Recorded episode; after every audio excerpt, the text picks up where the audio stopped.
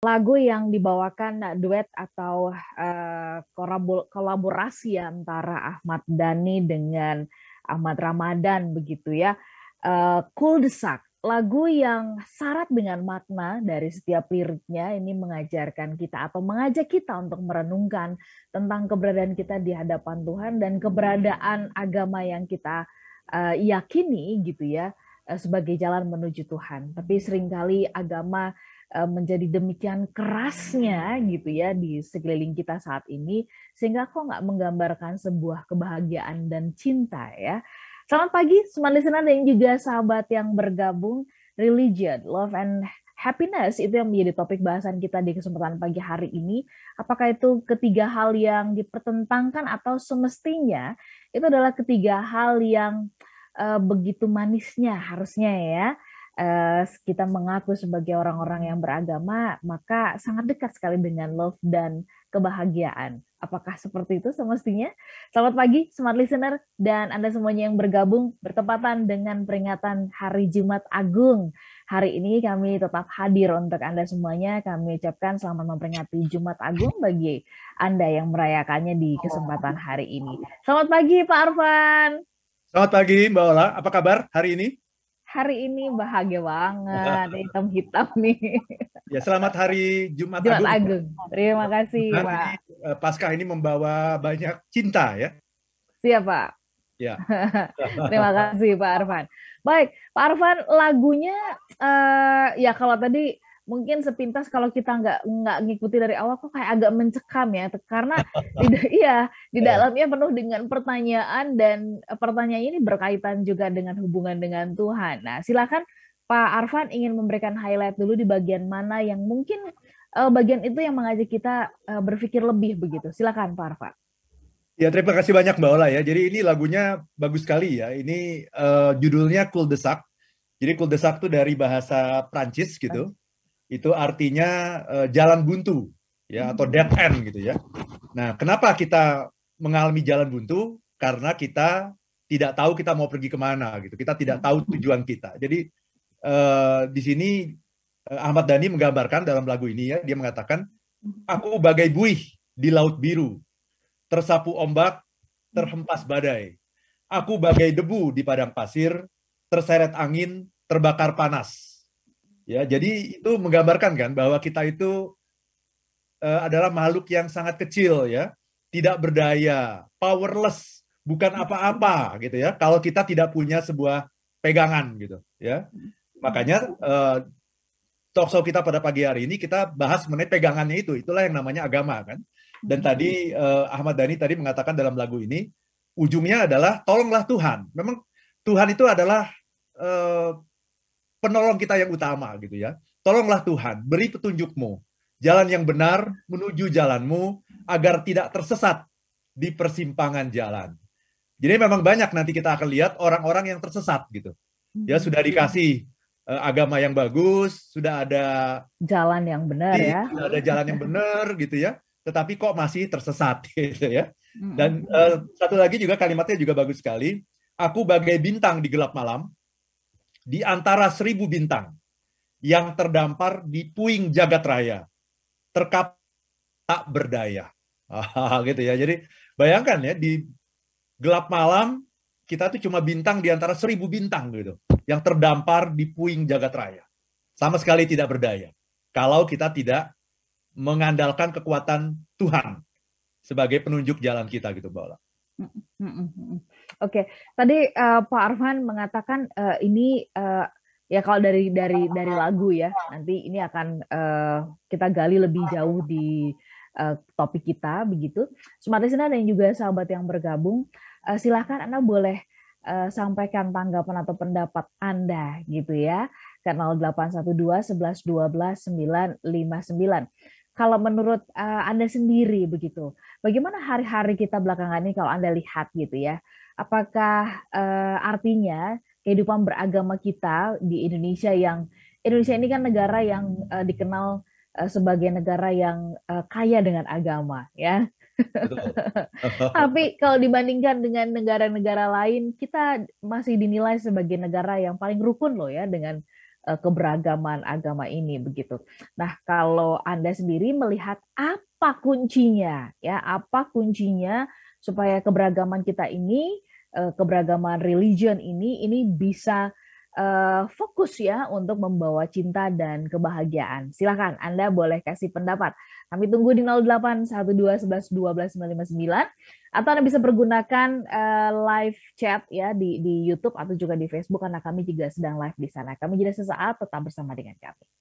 Dan sahabat yang bergabung, terima kasih Anda masih bersama-sama dengan kami dalam Smart Happiness di kesempatan pagi hari ini bicara tentang religion, love, dan happiness ya. Kita mulai uh, coba kupas begitu, apa sih keterkaitannya gitu. Pak Arfan, uh, ini semalam saya baru ngobrol uh, di, di salah satu program di Commitment Nation ya dengan salah satu pegiat media sosial ya, Mas Eg, uh, Eko Kuntadi ya. ya. Uh, ya. Bersama dengan Mas Arto terus kita tanya gitu kan, Mas, kenapa sih uh, apa sih sebenarnya pesan yang ingin di dilakukan gitu dengan kok giat banget sih di sosial media tuh ngapain sih gitu. Ya. Lalu ia mengatakan bahwa uh, saya ingin ingin uh, apa ya melakukan sesuatu untuk uh, bisa menjernihkan pikiran banyak orang uh, karena radikalisme begitu menguatirkan begitu. Dia mengatakan bahwa belakangan ini kita melihat ketika kita bicara agama kok kenapa serem amat sih katanya begitu. Betul, ya. Betul. Nah, Pak Arfan mungkin bisa memberikan tanggapan melihat kondisi di masyarakat apakah memang benar demikian uh, secara sosial ya bahwa uh, kita memang akhir-akhir ini ketika kita membicarakan agama uh, tampilan wajah agama itu menjadi sedikit menyeramkan, menakutkan gitu. Silakan Pak Arfan. Terima kasih banyak Mbak Ola ya. Saya kira uh, saya sependapat ya dengan Mas uh, Eko ya.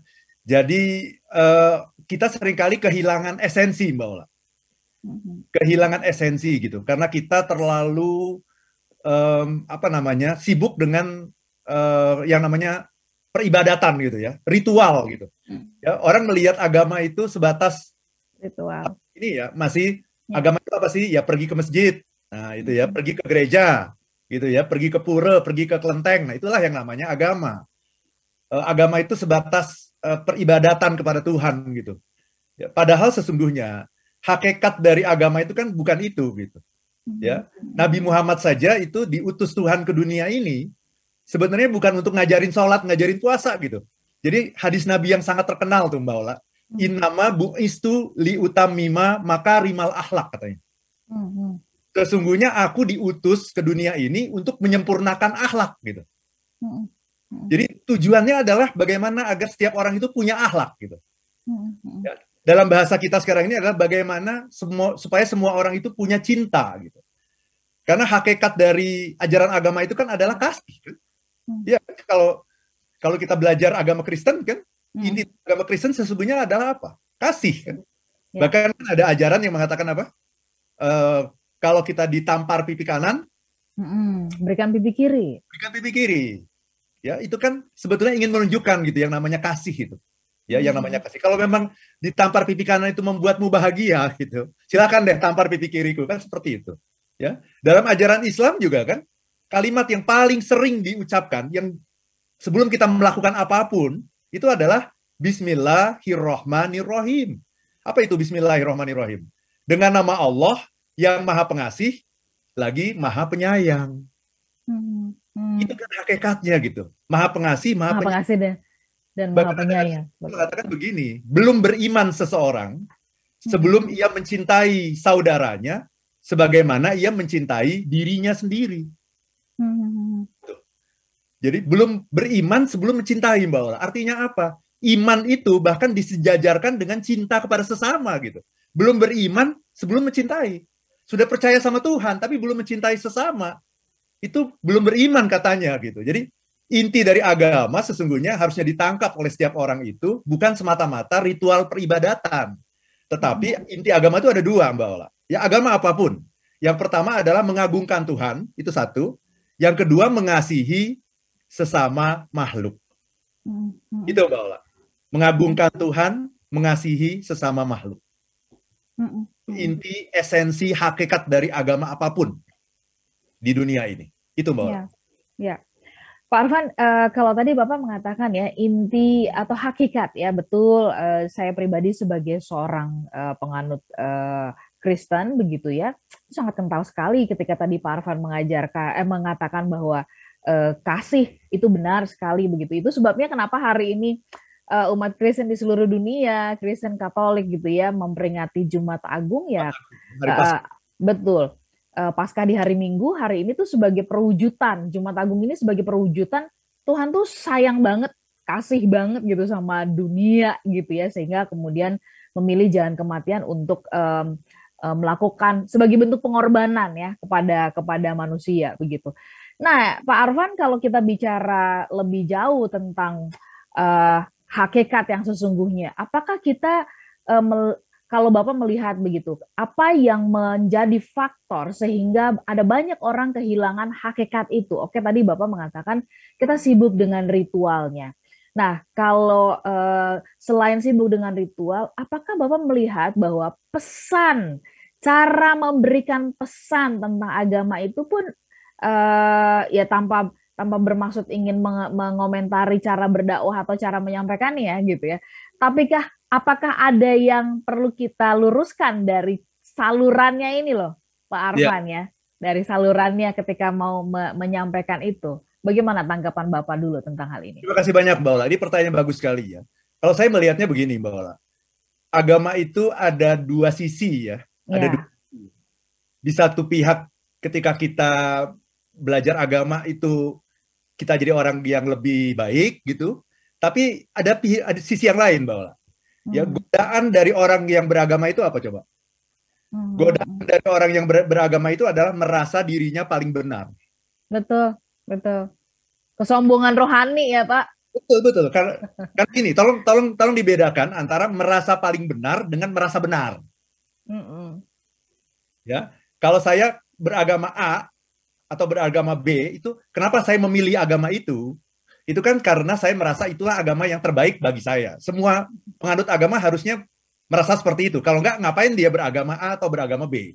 Jadi dia harusnya memang memilih agama itu karena dia menganggap bahwa agama itulah yang paling cocok bagi dia, yang paling baik hmm. bagi dia gitu.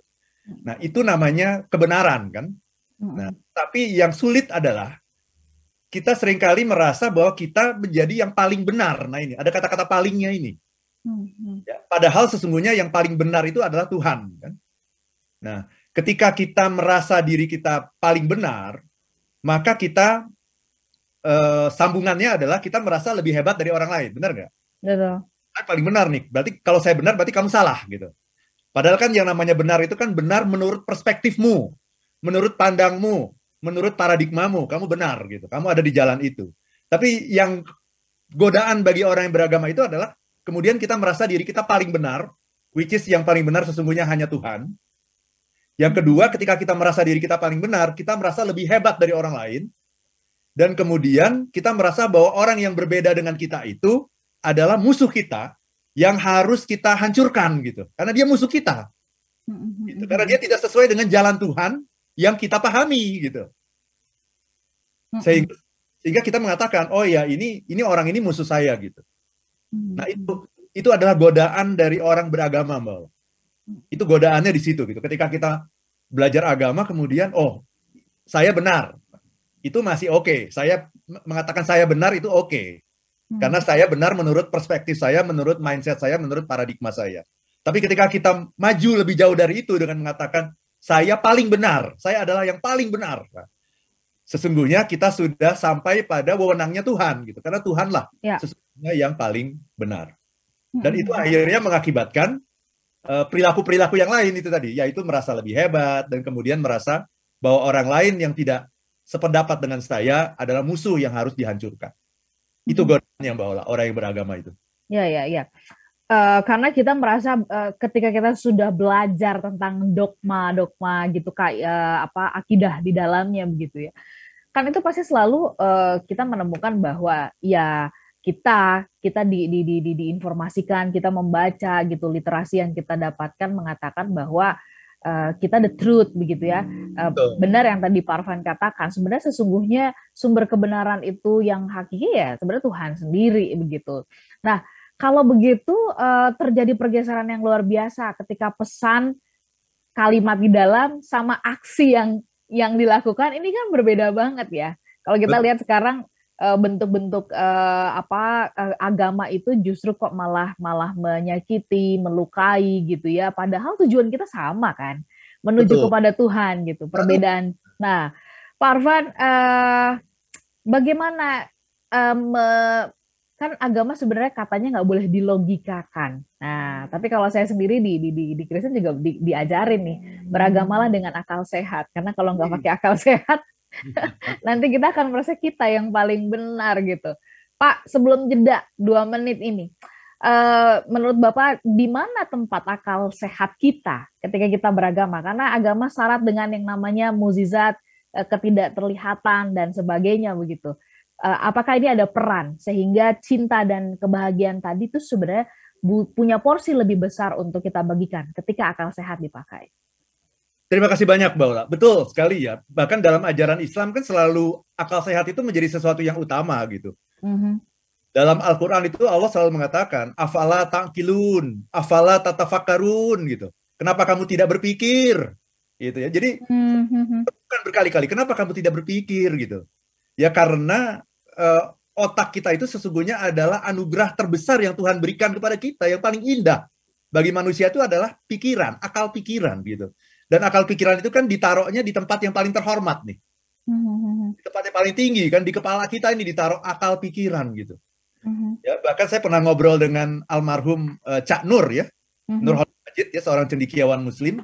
Dia bahkan mengatakan bahwa uh, akal pikiran itu sesungguhnya adalah wahyu kedua gitu. Hmm. Jadi wahyu pertama itu adalah yang ada di kitab suci itu, itu adalah wahyu pertama. Akal pikiran kita ini adalah wahyu kedua gitu, yang diturunkan kepada uh, yang diturunkan oleh Tuhan kepada setiap manusia agar kita bisa selamat mengarungi dunia yang penuh dengan tantangan ini, Mbak.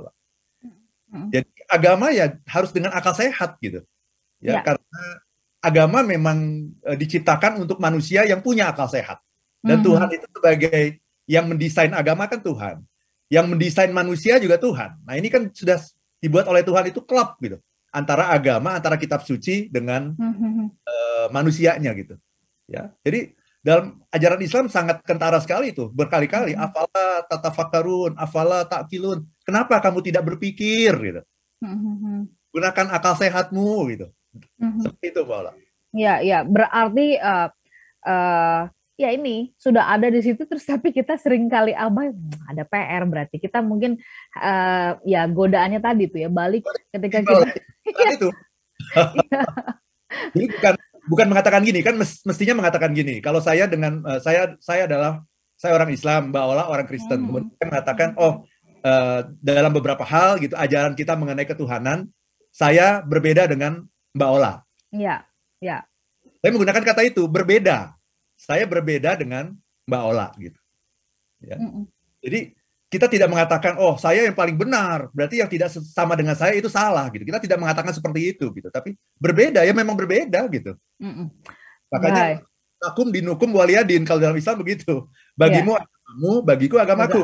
Gitu, gitu. Karena okay. memang tapi tidak perlu mengatakan bahwa oh saya yang paling benar gitu. Oke. Okay. Nah, ini, ini masalahnya nih. Inilah akar dari tindakan kekerasan itu di situ sesungguhnya. Oke. Okay. Pak Arfan, uh, bagaimana uh, kalau menurut Bapak ya dari sudut pandang happiness begitu ya, masing-masing kita dengan keberagaman agama kita gitu ya, uh, ini supaya kita bisa cenderung mempraktekkan yang namanya cinta. Saya yakin bukan tanpa alasan kenapa John Lennon uh, menuliskan lagu yang berjudul Imagine gitu kan ya, Pak Arfan ya. Kalau nggak ada Bayangin kalau nggak ada agama, nggak ada negara, tapi kita bisa hidup damai. Aduh, ngeri banget ini ya sampai di tulisnya seperti itu. Kita jeda sebentar, smart listener. Kalau ada kesempatan, Anda bisa coba sebentar ya eh, di tempat Anda masing-masing eh, simak lagunya John Lennon Imagine ini, gitu ya. Nanti kita bahas lebih lanjut nih.